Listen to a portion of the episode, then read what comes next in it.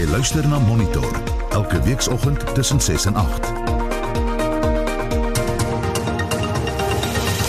Dis nou 9 minute oor 7 in die tweede helfte van Monitor aansoeke vir die R350 noodtoelaag open môre. There will be no automatic qualification All applications must certify the criteria and will be subjected to the entire validation process. Ons kry reaksie op die verkiesingskommissie se aansoek om die plaaslike regeringsverkiesings tot volgende jaar uit te stel.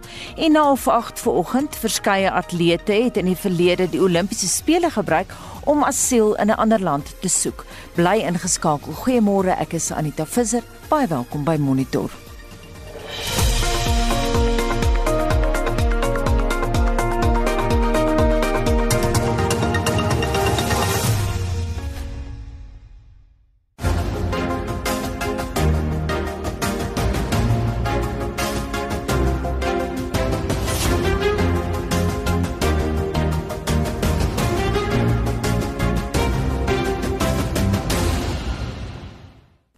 some nou 12 minute oor 7 welkom by Monitor. Die verkiesingskommissie het 'n dringende aansoek by die konstitusionele hof ingedien om te vra dat die plaaslike regeringsverkiesings in Oktober tog uitgestel word na Februarie volgende jaar. Dit volg op die minister van Samewerkende Regering en Tradisionele Sake, Nkosazana Dlamini Zuma se stelling dat sy nie by magte is om die verkiesing so ver vooruit uit te stel nie. Die voorstel om die verkiesing uit te stel is gebaseer op die vrees dat die pandemie deur 'n verkiesing in Oktober te hou sal vererger, maar Lenay Forsie het meer. Die OFK se voorsitter, Glen Mashinini, sê onmiddellike uitsluitsel oor wanneer die verkiesing gehou moet word is van kardinale belang. The application is also launched on an agent basis because there is a need for certainty in the preparations for the municipal elections. And the Commission and the electoral stakeholders are currently in an untenable position where preparations are proceeding for the election on the 27th of October 2021, whilst at the same time anticipating the outcome of the Constitutional Court application.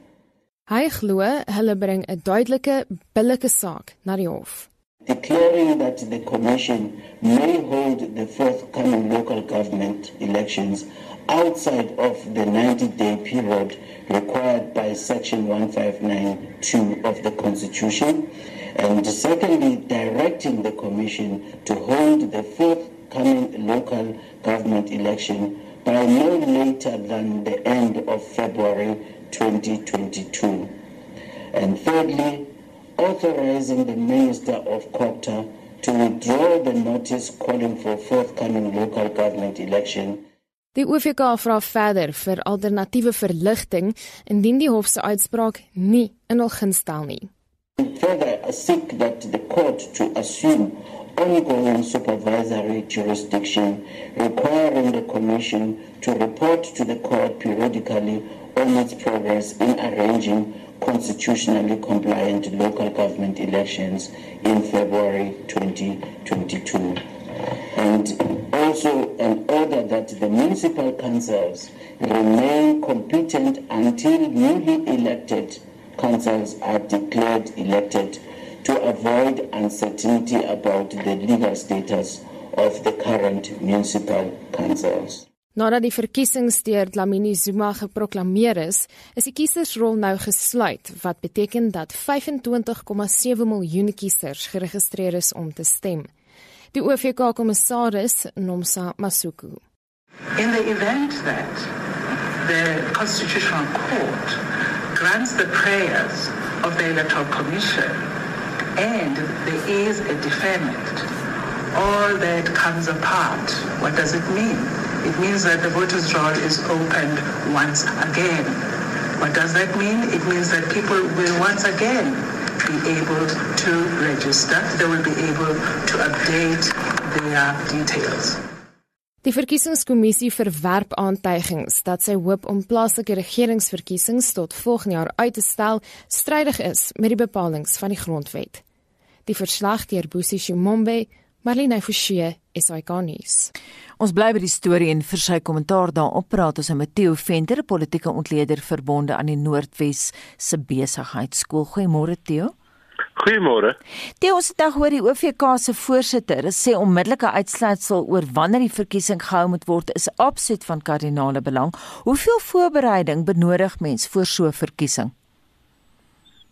Hier's 'n paar goed wat vir my baie vreemd opval. Ehm um, waarom het hulle gebruik gemaak van regter Mosenetjie om vir hulle navorsing te doen en 'n verslag te lewer oor wat hulle te doen staan? Ehm um, en uh, dit is so dat ehm um, die dit neem 'n uh, groot klomp voorbereidings, maar nie meer as as enige ander verkiesing nie en hulle is al lankal gewaarsku dat ehm um, die belangrikste wat in plek moet wees vir 'n verkiesing van hierdie aard, 'n plaaslike verkiesing, is die adresse en die blyplekke van mense uh, via 'n hofsaak wat in die konstitusionele hof plaasgevind het en die het hulle nou geset probeer nakom, maar wat vir my vreemd is, is dat hulle hierdie aansoek nie na die verkiesingshof toe neem nie, maar direk na die konstitusionele hof toe gaan. Dit klink amper vir my soos die roete wat uh, regter Zondo geneem het met uh, Jacob Zuma en die kritiek wat hy gekry het deur direk na die grondwetlike hof toe gaan. Ek ek het die idee die OVK gaan pak slaag kry in die konstitusionele hof wanneer dit kom by die legitimiteit van of die legaliteit van hulle aansoek kon die konstitusionele hof van vrou hoekom het julle nie eers na die verkiesingshof toe gegaan nie want hier is in hierdie aansoek 'n grondwetlike eh, 'n uh, knooppunt wat die howe waarskynlik nie vir hulle gaan oplos nie. Mm. Um, want dit is 'n grondwetlike probleem. Wat sê die motief wees? Wel, ek dink die motief is soos volg. Ehm um, die minister het die ehm um, verkiesing geproklaameer wel wetende dat dit um, in alle waarskynlikheid nie gaan kan plaasvind nie, maar sy moet sy moet aan sekere vereistes voldoen binne 'n sekere tydperke voor die verkiesing en die datum van die 27ste Oktober is nou al in April maand gemaak. So sy werk na daardie datum toe en sy doen alles wat nodig is, soos byvoorbeeld die sluiting van die van die kieserslys en die smeer wat vereis word voor 'n verkiesing. En dan die die verwagting dat ehm um, howe uitspraak sal lewer om 'n uh, 'n verdere 3 maande uitstel te gee. En ehm um, ek het 'n idee soos wat ons nou vandag hier met mekaar praat, dit gaan vereis dat die parlement nog 'n keer by mekaar gaan moet kom en dat daar baie vinnig konsensus gesoek sal moet word om 'n 2/3 meerderheid te kry tussen die politieke partye um, om dit neer te druk. Mhm. Mm Watter politieke partye sou die meeste baat by die uitstel van die verkiesing? Dit klink vir my as ek tussen die lyne lees asof jy wil uh, insinueer dis die ANC. Wel, die goed georganiseerde groot politieke partye gaan baat vind hierby. Die die persone wat nie gaan baat vind nie is die kleiner partye en die individue en ons weet nou in plaaslike verkiesings is dit moontlik om as individu te staan sonder dat jy aan 'n party behoort. Dit gaan oor die vermoë om ehm um, uh, te te mobiliseer. Dit gaan om die vermoë om alles te doen wat politieke partye doen en dis net die groter politieke partye wat in staat is om om dit te doen en om vir so lank tyd want uh, daar is al op baie plekke ehm um, alreeds plakate op vir so lank tyd van nou tot in Februarie volgende jaar die proses te volhou om om belangstelling te bly behou in 'n situasie waar ons sit met 'n unieke omstandighede waaronder ons 'n verkiesing gaan hou. Ek bedoel die ekonomie het nog nooit vir so lank tyd so swak gevaar nie. Ons het nog nooit van tevore 'n verkiesing in 'n pandemie gehou nie en in die mees onlangse verlede was dit die ehm um, KwaZulu-Natal Gautengse se onrus wat ek dink ook 'n uh, impak gaan hê. Die vraag is hoe gaan Suid-Afrikaners reageer in die breë? Ehm um, dit lyk vir ons asof Suid-Afrikaners die roete verkies om eerder weg te bly van die stembus af as om in hulle massas na die stembus toe te gaan as daar 'n krisis is. Dit alweer het 'n sekere uitwerking op sekere politieke partye wat daarop wat groot voordeel daai kry as baie mense kom stem en swak vaar as min mense kom stem. En jy praat nou van die ANC. Hmm. Die ANC het 'n probleem daarmee en nou kry ons ons al reeds met vorige verkiesings gesien dat ehm um, die alhoewel ons 'n redelike hoë stempersentasie het vir mense wat stembus toe kom. As 'n mens die ehm um, persentasie uitdruk van die aantal mense wat wel stemgeregtig is. Ons het so tussen 35 en 37 miljoen Suid-Afrikaners wat wel kan stem. Van hulle registreer ongeveer 25 na 26 miljoen. Dis die getalle wat ons op die oomblik het. Mm. Van daardie 25 26 miljoen ehm um, kom daar so 17 miljoen wel by die stembus uit. En as mens nou die somme maak, dan kom jy agter omtrent die helfte van stemgeregtigde Suid-Afrikaners doen nie eers die moeite om aan 'n verkiesing deel te neem nie. Hmm. Word 'n gevaarlike presedent nie geskep indien die verkiesing uitgestel word nie of dit nou oor COVID gaan of nie? Ja, dit word. Ehm um, daar's vir my geen twyfel nie as die wysiging van die grondwet nie baie baie fyn ge ehm um, geformuleer word nie. Maak dit 'n waanhuisdeur oop vir politieke partye 10 jaar van nou af, 15 jaar van nou af om deur hierdie opening te beweeg. Soos byvoorbeeld dat die verkiesing uitgestel kan word vir uit buitengewone omstandighede. Wat is 'n buitengewone omstandigheid? 'n pandemie is een, maar hy kom net elke 100 jaar voor of so iets. Mm. Ehm um, miskien is 'n oorlog een. Ehm um, of ek weet nie ehm um, waarna mens moet kyk wat wat wat kwalifiseer as 'n buitengewone omstandigheid en ek dink daar lê die knoop in die in die regsproses oor hoe dit geformuleer gaan word ehm um, in die verkiesing of ehm um, dat die uitstel ehm um, nie in uh, 3 maande na die verval van 'n termyn van of die parlement of die plaaslike regering is nie maar laat die uitstel miskien 6 maande of 7 maande is. Maar dit gaan dit gaan fyn voetwerk kos om binne die grondwet te bly. Elders in Afrika het verkiesings voortgegaan ten spyte van COVID maar nie net elders in Afrika nie. Ehm um, die hele onrus in KwaZulu-Natal het voortgegaan ten spyte van COVID. Saterdag en Sondag in ons swart townships gaan die lewe aan ten spyte van COVID. As jy op 'n oor 'n naweek deur Soweto ry of ek wat deur swart windwees ry, daar sien ek geen aanduiding dat hier 'n erns is of dat hier 'n probleem is in die land nie. So ek het 'n idee die verkiesing kon plaasgevind het of kan nog steeds plaasvind ehm um, miskien uitgereg oor 3 dae om om die aantal ehm um, uh, toue minder te maak dat mense um, hulle afstande kan handhaaf en dis weer. Ek dink dit kan nog steeds plaasvind. Op 'n veilige manier en om die protokolle te volg. Ek wil terugkom na daai geregistreerde kiesers toe. Ons staan nou op 25,7 miljoen kiesers wat geregistreer is. Dis my baie kommerwekkend Theo wat jy sê oor dat baie mense wat geregistreer is, doen nie meer die moeite om te gaan nie. Beteken dit hulle het 'n gebrek aan vertroue in die demokrasie?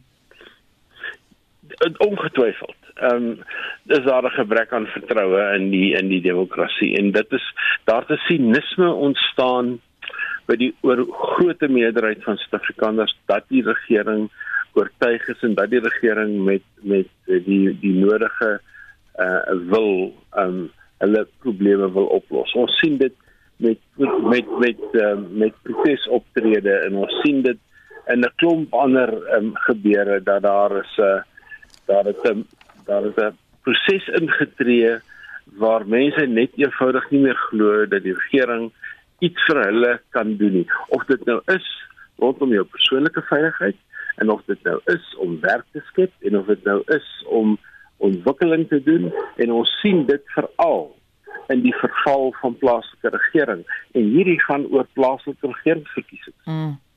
Verander verkiesingsvraagstukke oor tyd. Sê byvoorbeeld tussen nou gestel byvoorbeeld ons het 'n verkiesing einde Februarie volgende jaar.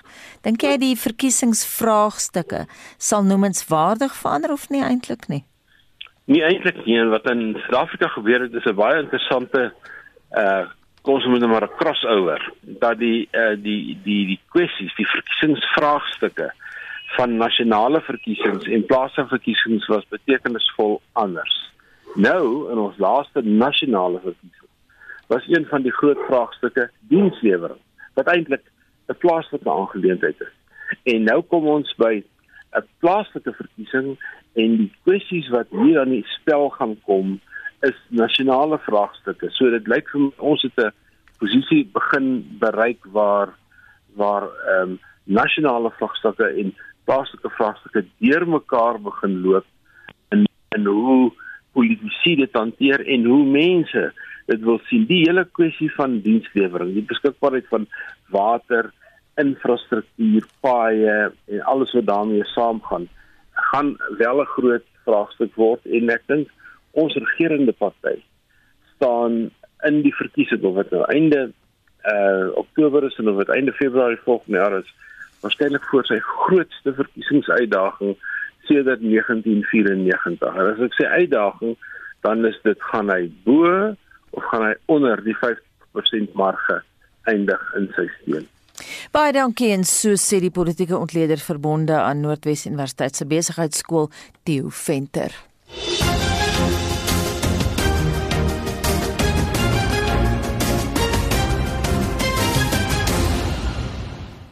Mense wat geen inkomste het nie, kan van môreoggend 9:00 af aansoek doen vir die R350 COVID-19 noodtoelaag. Die minister van maatskaplike ontwikkeling, Lindiwe Zulu, het aangekondig die eerste bepalinge of betalings liewer sal in die laaste week van Augustus gemaak word. 26,7 miljard rand is op sy gesit vir die toelaag wat tot Maart volgende jaar uitbetaal sal word. Lila Magnus het meer. Die aankondiging bring verligting vir miljoene Suid-Afrikaners wat onder die broodlyn leef. Die minister van maatskaplike ontwikkeling, Lindiwe Zulu, sê werklose mense tussen die ouderdom van 18 en 60 wat geen ander regeringshulp ontvang nie, kwalifiseer vir die toelaag sowel as buitelanders. Permanent resident or refugee registered on Home Affairs database and persons who are holders of the special permits under the special Angolan dispensation, the Lesotho exemption permit dispensation, the Zimbabwe exemption permit dispensation, and asylum seekers whose Section 22 permits or visas are valid or were valid on the 15th of March 2020. Sy sê almal wat kwalifiseer moet aansoek doen, selfs mense wat reeds die toelaag ontvang het die eerste keer. It is important to note that there will be no automatic qualification. All applications must satisfy the criteria and will be subjected to the entire validation process. Mense wie se salarisse gesny is, maar steeds 'n inkomste verdien, kwalifiseer nie vir die toelaag nie. I want to once again reiterate that this grant is for people who are under distress. We have in the past year established that there were public servants, business people, and children from financially comfortable families who applied for the grant. I really want to plead with members of the public and, of course, those who are working in government and all. If you do not need this money, please do not qualify because there are other people who are in a worse situation than yourself. Zulu sê hulle is besig om die geld wat tydens die eerste ronde aan mense uitbetaal is wat nie kwalifiseer het nie, terug te kry en sommige van die sake gaan na die polisie verwys word. Navorsing toon die noodtoelaag het ernstige armoede afgeweer. According to studies and research that were done and findings for the period between March and June 20, COVID 19 relief measures were estimated to have reduced the number of households with income below the food poverty line of 20.6% to 18.8 and the reduction of inequality from 0.644 to 0.613. In addition, research confirmed that the majority recipients use the money to buy food. Zulu het mense aangemoedig wat nog nie al toelaat van die eerste ronde opgeëis het nie om dit binne die volgende 3 weke te doen. A total of 571,724 grants which have been approved remain uncollected from the post office and I urge all applicants who have not received or claimed their grants to urgently contact SASA as they will only have until the 31st of August 2021 to make inquiries in respect of the previous grant from May 20 to April 2021. Sy het mense wat al toelaas saamgesit het en gebruik het om klein besighede te begin, geprys. Ek is Lila Magnus vir SAK nuus in Pretoria. Jy luister na Monitor elke weekoggend tussen 6 en 8. 7:30 in die hoofnuus. Mense wat geen inkomste het nie, kan môre aansoek doen vir die R350 nood-COVID toelaag. Die burgerregte groep AfriForum is van plan om aan te sluit by 'n aansoek teen die verkiesingskommissie se pogings om die plaaslike regeringsverkiesings uit te stel. En die EFF vra motoriste om gebiede rondom die Phoenix Hoofweg in Durban te vermy weens 'n optog deur lede van die party vanoggend. Bly by Monitor.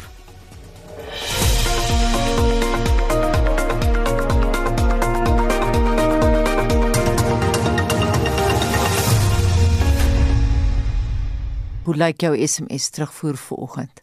Aneta, ons wil by luisteraars weet of hulle gelukkig is met die idee dat die afstand tussen leerders in klasse nou van 1 meter na 50 cm verminder word en wat is die ervaring van ouers en onderwysers daarmee? 'n SMS wat leesplase afkorting tussen leerders wat skoolbanke moet deel. Dit sal meer beskerming teen die virus bied. Willem met Elspark skryf die handhawing van afstand is bog. In die supermarkte beweeg mense teenoor mekaar verby in die gange. En dan iemand anders wat ook met 'n SMS laat weet, terwyl ouers wat self positief is steeds hulle kinders skool toe stuur, gaan geen reëls of regulasies eers help nie. Maak my woedend. En dan op Facebook sê Randy Young, COVID is nie 'n algemene siekte nie. Dit is 'n pes wat dood en verwoesting veroorsaak in ons gemeenskappe.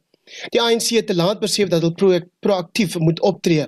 Die skole en kerke asook ander groot onbenutte persele met hande vat en leerlinge kry om skool te gaan. Die leerlinge en seker nie almal van hulle nie het 'n groot agterstand om kerksale en sovoorts te benut kan skole by die 1 meter distansie bly waarop Anita Marsili Boy se antwoord dis 'n goeie plan maar dit kan net werk as daar dan meer onderwysers aangestel word en daarvoor is daar sekerlik nie geld nie. Jy weet Swanepoel sê daar kan duisende reëls neergelê word as die kinders nie die erns besef wat hulle nie doen nie is dit 'n verlore saak. Staan maar na skool buite die hek en sien hoe ongeërg is hulle. Geen maskers en geen afstand nie. En dan 'n laaste een van Arnold Groenewald wat sê Wat ja op die 50 cm reël tog as die kinders direk na skool rugby kan speel waar daar geduik en geskram word. 45889, dis ons SMS nommer teen 150 elk kan jy vir ons laat weet wat jou mening is of maak 'n draai op Facebook by die Monitor en Spectrum op RSG Facebookblad. Hier is Shaun Jooste met vanoggend se sporthoogtepunte. In vanoggend se verslag, Kyle Blighnout eindig 6ste in Tokio. Dag 1 van die eerste toets tussen Engeland en Indië is voltooi en ons kyk wat op die golfbaan gebeur. By die Olimpiese spele in Tokio in Japan het Suid-Afrika se Kyle Blighnout 6ste in die gewigstoot eindstryd geëindig. Sy poging van 21 meter is ook 'n nuwe persoonlike beste. Dit was Blighnout se eerste deelname aan die Olimpiese spele. Suid-Afrika het steeds net 3 medaljes een goud en twee silwer. China het dag 12 as die voorlopers geëindig. Dit was met 32 goud, 22 silwer en 16 brons medaljes. Die FSA was tweede met 25 goud, 31 silwer en 23 brons en die gasheer derde met 21 goud, 7 silwer en 12 brons medaljes. Op die cricketveld is dag 1 van die eerste toets tussen Engeland en Indië op Trent Bridge voltooi. Die tuisspan het die lood gewen en gekies om eers te kolf, maar kon net 183 lopies op die tellbord plaas met die kaptein Joe Root se 64 die hoogste telling. Die Indiese snelbowler Jasprit Bumrah het 46 lopies afgestaan en 4 paltjies platgetrek. In die begin dag 2 later op 21 sonder verlies in hulle eerste beurt met Rohit Sharma en KL Rahul voor die penne. Australië se T20 reeks in en teen Bangladesh is vinnig besig om 'n nagmerrie te ontaard nadat hulle gister se tweede wedstryd in Dhaka met 5 paaltjies verloor het. Bangladesh kan die reeks môre in die derde wedstryd beklink. In die 100 toernooi in Engeland in die mansafdeling het Birmingham Phoenix die Oval Invincibles gister met 6 paaltjies geklop. Die Suid-Afrikaner Colin Ingram het 81 lopies van net 43 balle vir die Invincibles gemoker. In die vroue toernooi het die Invincibles weer met 8 paaltjies geseëvier. Die Suid-Afrikaner, Danai van die Kerk, het 67 nie uit nie vir die Invincibles aangeteken. Rugby. Daar is 'n hele reeks veranderinge aan die Haie se beginspan vir môre aan se Curriebeeker wedstryd in Durban teen die Bulle gemaak. Lionel Cronje dra die nommer 10 try terwyl Cowan Bosch op heel agter uitdraf. Die agste man Pepsi Buthelezi is die kaptein. Die wedstryd begin 7uur. Golf. George Coetzee die voortou na die eerste ronde van die Wurkom oorsprong van golftoernooi net buite Stellenbosch geneem en staan op 9 onder. Jaco Allers is tweede op 8 onder. Die Wêreldgolfkampioenskappe se St Jude uitnodigingstoernooi slaan ook vanmiddag kwart oor 4 in Memphis af. Dit is 'n sterk veld wat groot name soos Dustin Johnson, Colin Morikawa, Bryson DeChambeau en Rory McIlroy bevat. Dit sluit ook die drie Suid-Afrikaners, Louis Oosthuizen, Gary Gigo en Wilco Ninaber in. Die voormalige wêreldnommer 1 van Amerika, Justin Thomas, is die verdedigende kampioen. Die PGA Tour se Barracuda Kampioenskappe begin vanmiddag kort voor 4 daar in Amerika. Brandon Grace, Erik van Rooyen en MJ Daffy is die Suid-Afrikaners wat deelneem. Die plaaslike Richie Werenski was die wenner in 2020. Op die Europese toer begin die Here Ope kort na 8 in Skotland. Daniel van Tonder, Louis De Jager en Justin Walters is van die Suid-Afrikaners in die veld. In Ashley Buy, Leon Pace, Nicole Garcia en Cassandra Hall is vier van die ses Suid-Afrikaanse vroue wat by die spankompetisie in Spanje in aksie sal wees. En laastens die vroue golftoernooi by die Olimpiese spele het gister afgeslaan. Swede se Magdalene Saxström was die voorloper na die eerste ronde op 5 onder. Die tweede ronde is aan die gang. Shaun Schuster, SAK Sport. Internasionale nuusgebeure in Afghanistan het die president saam met verskeie inwoners die strate van die land ingevaar ook in eh, Kabul teen die Taliban se pogings om verskeie gebiede in Afghanistan in te val en oor te neem. Marlenae Forsie het vir ons al die nuutste besonderhede daar. Marlenae Ja, net ons berig nou geruime tyd lank oor die onttrekking van buitelandse magte in Afghanistan. Nou leidersberigte word verskeie stede nou geteken en twee is reeds binne gedring. Dit lyk nie asof die regering opgewasse is vir die aanslag nie. Verskeie hoë vlak VN verteenwoordigers sê vordering wat gemaak is sedert die aankoms van buitelandse magte is nou in die weegskaal. There's a much wider middle class established. The cities are much bigger and stronger within the political economy of the country. And women have really come into their own.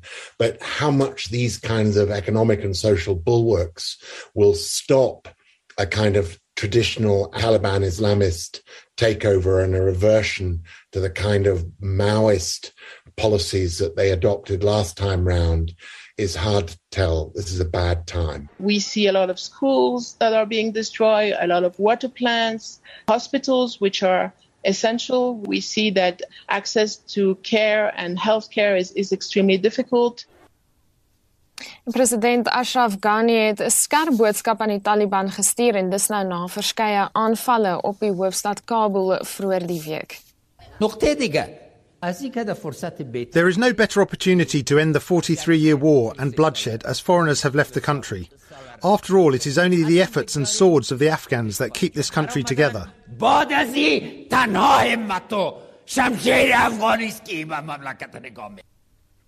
En dit was Afghanistan se president Ashraf Ghani ons sou verwikkelinge in die land dop. En dan gaan ons na Griekeland waar inwoners van die eiland Evia die eiland per boot moes verlaat weens 'n bosbrand wat buite beheer voortwoed.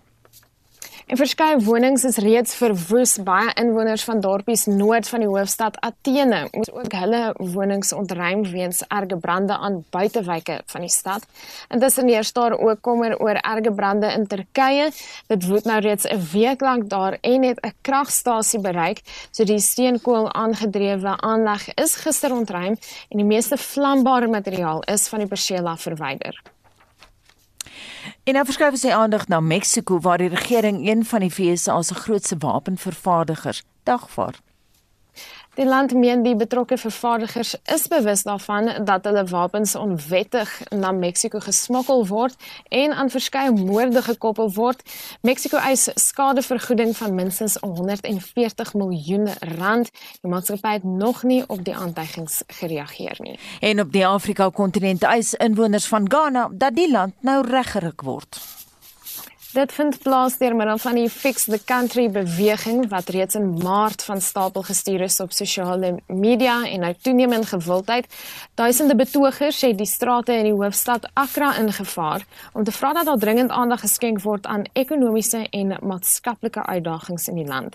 Een van die betogers se grootste kopsere is president Nana Akufo-Addo se aankondiging dat 'n nasionale kathedraal ter waarde van sowat 2800 miljard rand opgerig gaan word.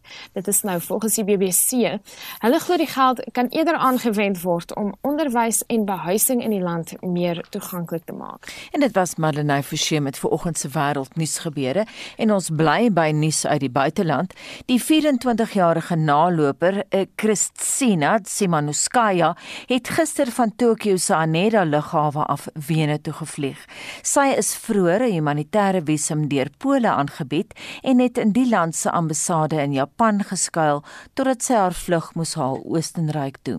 Sy vrees vir haar lewe nadat sy geweier het om in opdrag van die Belarus regime van president Alexander Lukasjenko vroeër as die ander atlete huis toe te gaan. Dis egter nie die eerste keer dat atlete die Olimpiese spele gebruik om oor te loop na 'n ander land toe nie. Ons bespreek die kwessie vanoggend met die politieke wetenskaplike Roland Henwood van die Universiteit van Pretoria. Goeiemôre Roland. Goeiemôre Anita. Daar's baie interessante voorbeelde as mens begin Google. Sewe van die Kubaanse onder 23 sokkerspan het byvoorbeeld in die aanloop tot die 2008 Olimpiese spele in Beijing het hulle ook uh, probeer oorloop. Geef ons ander voorbeelde. Ja, daar's 'n hele geskiedenis. Ehm um, daar word verwys na oorlopery in die verlede as een van die prestige ehm um, aktiwiteite van die Olimpiese spele. Ek dink van die hoë profiel voorbeelde wat 'n mens na kan kyk, is al reeds in 1948 ehm um, het die president van die internasionale gimnastiekvereniging wat 'n Tsjech was, oorgeloop by die Londense Olimpiese spele. Ehm um, hy het geweier om terug te gaan ehm um, Tsjechoslowakye toe. Ehm um, dan is daar in 1956 word gesê dat dosyne Hongaarse atlete het ehm um, asielaansoeke ingedien om na die VSA te gaan.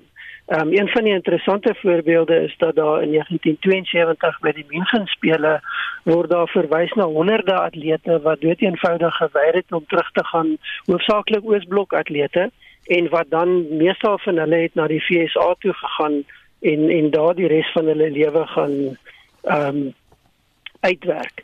Ehm um, en en dan ehm um, sien ons ook in 2012 'n ander voorbeeld hier van by die Londen spele waar daar verwys word na groot getalle atlete uit Afrika wat letterlik oornag uit die Olimpiese dorp verdwyn het.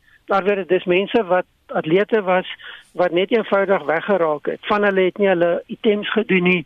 Ehm um, maar hulle het ook nie teruggegaan huis toe nie. Van die mense het later aansoek gedoen vir asiel. Mense uit plekke soos die Kongo en Eritrea, maar daar's 'n groot klomp van daai atlete wat net weg is. Hulle is net nie terug huis toe nie. So hulle het in die gemeenskap verdwyn. wat is die voordele wat die Pole uit die gebaar van 'n humanitêre visum kry? Ek dink die kwessie van Pole hier is interessant en in 'n sin anders as as as die voorbeelde uit die verlede.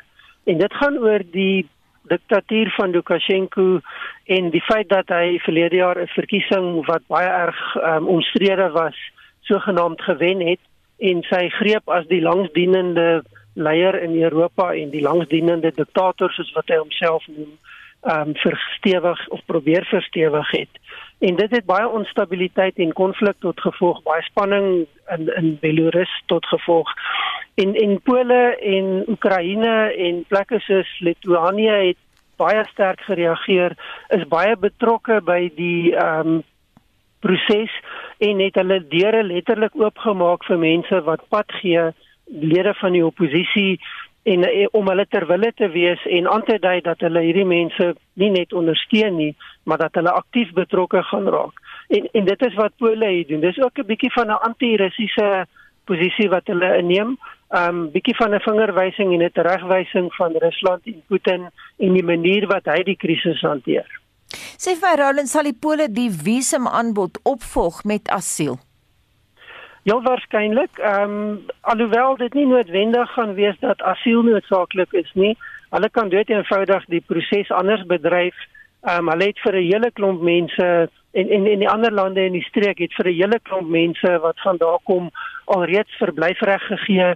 Um, hulle gee vir die mense behuising, hulle help hierdie mense om aan die gang te wees. Daar's 'n hele ondersteuningsnetwerk wat ontstaan het wat wat wat baie wyeer strek as net die mense wat die noem dit maar die vlugtelinge of die uitgewekenes wat baie meer as net hulle insluit. Wat is die kriteria vir asiel en hoe werk die proses?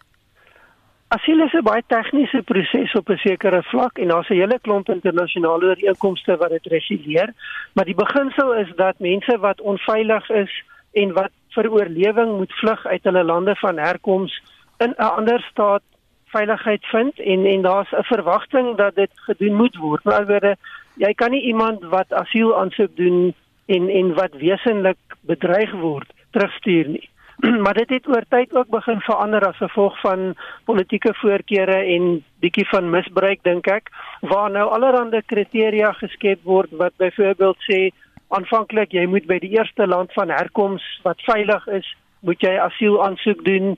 Ehm um, later is gesê daar kan 'n derde land van veiligheid betrokke wees. So jy kan byvoorbeeld in Suid-Afrika aansoek doen, maar eintlik is jy op pad iewers anders heen. Maar maar die misbruik hiervan het gekom dat mense asiel kry in 'n plek en dan reis na 'n ander land van voorkeur. Deur Europa byvoorbeeld inkom in die suide en dan Londen toe gaan want hulle wil eintlik in die Verenigde Koninkryk wees. Hmm. En dan daar gaan verdere aansoek doen en en dit is die goed wat maak dat regerings baie strenger is en baie meer versigtig is met die toekenning van asiel. Daar's ook natuurlik die die die konsep van kostes en verantwoordelikhede wat oor 'n langtermyn op 'n regering geplaas word. Um interessant in Afrika byvoorbeeld is die verkose praktyk dat mense wat om asiel aansoek doen moet in vlugtelingkampe gaan bly. Nou asiel in vlugtelingstatus is nie heeltemal dieselfde nie. Daar sekerre verskille, maar maar dit is die tipe praktyke wat bestaan en en wat sekere regerings ongemaklik maak um, en ander maak dat hulle baie meer versigtig is en die proses nogal probeer bemoeilik. Die die een ding wat jy nie mag doen nie is om mense wat om asiel aansoek doen dood eenvoudig uit te sit en terug te stuur na waar hulle vandaan kom. Mm -hmm. Dit mag jy nie doen nie. Boris Johnson het ook nou sy steun aan Simanuskaya gebied tydens haar besoek aan Londen die week. Sy presiese woorde was we are with you. Watter boodskap stuur hy nie net aan Belarus nie, maar aan Rusland? Nou die boodskap wat hy stuur is dieselfde boodskap as wat die Europese Unie stuur en dit is dat hulle is nie gedien met wat gebeur nie. Hulle is glad nie tevrede met Lukasjenko as die voortdurende heerser nie, want dit is letterlik wat hy is en dat hulle baie aktief ondersteuning gee en betrokke is. Ehm um, en en dat dit 'n kwessie is wat die Europese Unie maar ook NAVO se aandag aangryp en almal is betrokke en is op 'n manier op soek na 'n oplossing. En een van die eerste gevolge was geweldige sterk sanksies wat ingestel word teen persone maar ook teen die staat en dan ondersteuning van die uitgewekenes en oppositielede. Ehm um, miskien net terug na die voorbeeld van die Olimpiese spele. Ehm um, Lukasjenko se seun was een van die senior afgevaardigdes van hulle span en hy is toegang geweier. Hy mag nie die spele bywoon nie want hy bedryf politiek en hy is nie eintlik betrokke by sport nie. Mm -hmm. So dit is die tipe aksies wat 'n mens sien wat ver buite die onmiddellike omgewing en selfs Europa strek. Net kortliks, watter impak het die gebeure op die de facto koue oorlog tussen Moskou en die weste?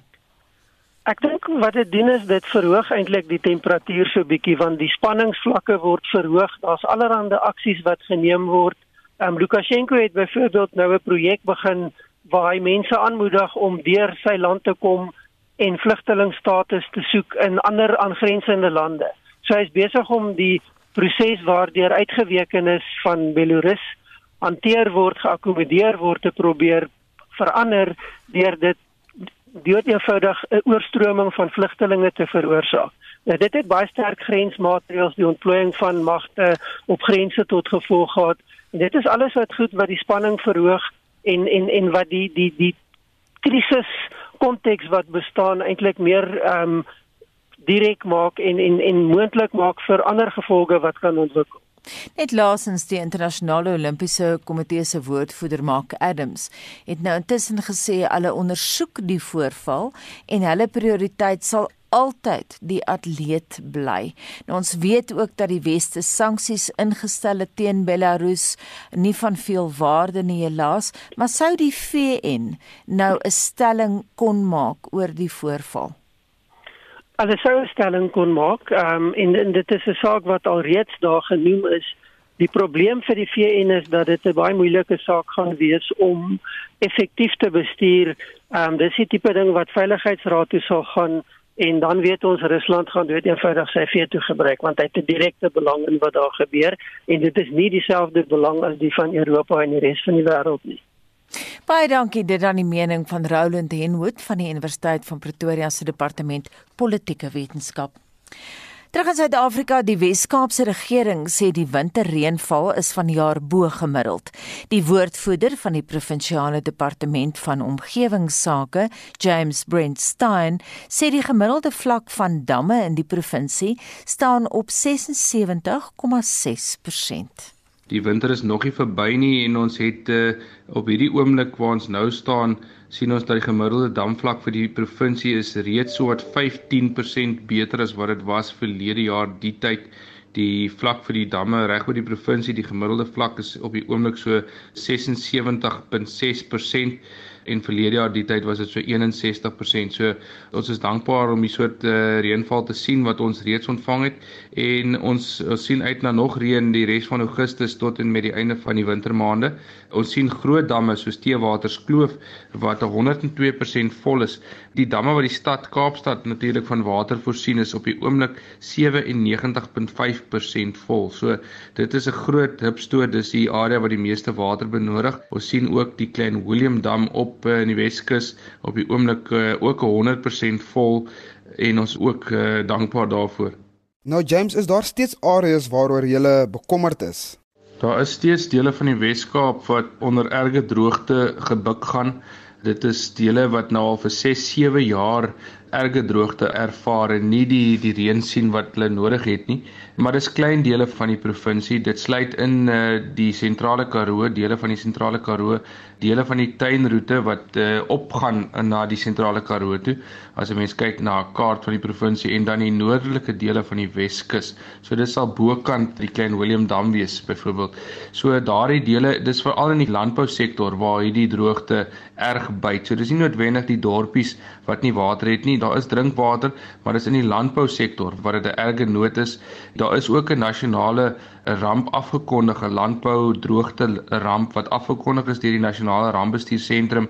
Dit was op die 20ste Julie en ons as Wes-Kaapse regering het ook die aankondiging uh, verwelkom.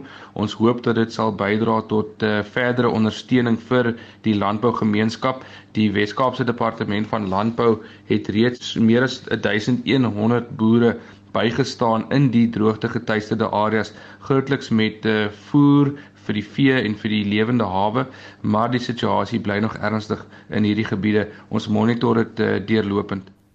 En so waarskynlik James Brent Stein, hy is woordvoerder van die Wes-Kaapse Departement van Omgewingsake en Vincent Mofokeng het daardie onderhoud met hom gevoer. Intussen sê die woordvoerder van die Nasionale Departement van Water en Sanitasie, Sputnik Rattau, dat die land se gemiddelde damvlakke tot 82% gedaal het. When we look at uh, different uh, provinces, we can see that they are performing in so many different ways, with some being very stable around your above 90s, like your Northern Cape and so on, with uh, KwaZulu Natal also doing very well at about 69%, very different from about a year ago. And uh, the concern obviously is still around the Eastern Cape, with some of your dams that are servicing some of the major areas really, really struggling. An example, a perfect example, obviously, would be on Weber Dam, which is really at even below 10%. It is at 7% this week and therefore we are still in a situation of great uh, need in some areas of the Eastern Cape. Yet we do know as well that there are a number of augmentation plans that are underway, and some of the schemes are already uh, looking at being completed in the near future. We're hoping that as things stand, most of the provinces will still be able to have sufficient water going towards the next rainy season. But we really believe that we need more of the snow, we need more rains during the rainy season for parts of the Eastern Cape. En so sê Sputnik Ratau, hy is die woordvoerder van die Nasionale Departement van Water en Sanitasie en hy het vroeër in die onderhoud gesê dat Suid-Afrika se gemiddelde damvlakke nou tot 82% gedaal het. Die laaste woord is nog nie gespreek nie en ons gee daai woord aan Heinrich. Aneta dalk net eers daar is luisteraars wat vra uh, hoe hulle moet aansoek doen vir daai R350 van môre af. Daar's 'n WhatsApp nommer 082 08268553. En dan uh, een of twee terugvoer nog, uh, kinders moet normaal skool gaan. As sê iemand, ons almal moet lewe, ons kan nie vir altyd in 'n lockdown wees nie. En dan sê iemand anders, Heinrich, kinders moet twee armlengtes handhaaf en saniteer. Die klasse moet elke 3 ure hulle vensters oopmaak en maskers sal ook werk dit van Laura in Pretoria. Maar net die beer sê ek moet sê ek is bevoorreg by 'n private skool in Pretoria Ons het net 15 tot 18 leerders per klas. Die afstand tussen ons leerders nou dat almal terug is, is steeds 1,5 meter. En dan Marina Moton wat sê Elke dag skool toe is awesome. My kinders is in 'n supergoeie by vandat dinge weer normaal is. Die breinstimulasie doen wonders vir hulle. En onthou vorige uitsendings van Monitor is op RC webblad beskikbaar as 'n potgooi. Gaan na www.rsg.co.za en daarmee groet ons namens ons uitvoerende regisseur Nicoline de Wee die redakteur vir oggend was Jean Esterhuizen ons produksieregisseur Johan Pieterse en my naam is Anita Visser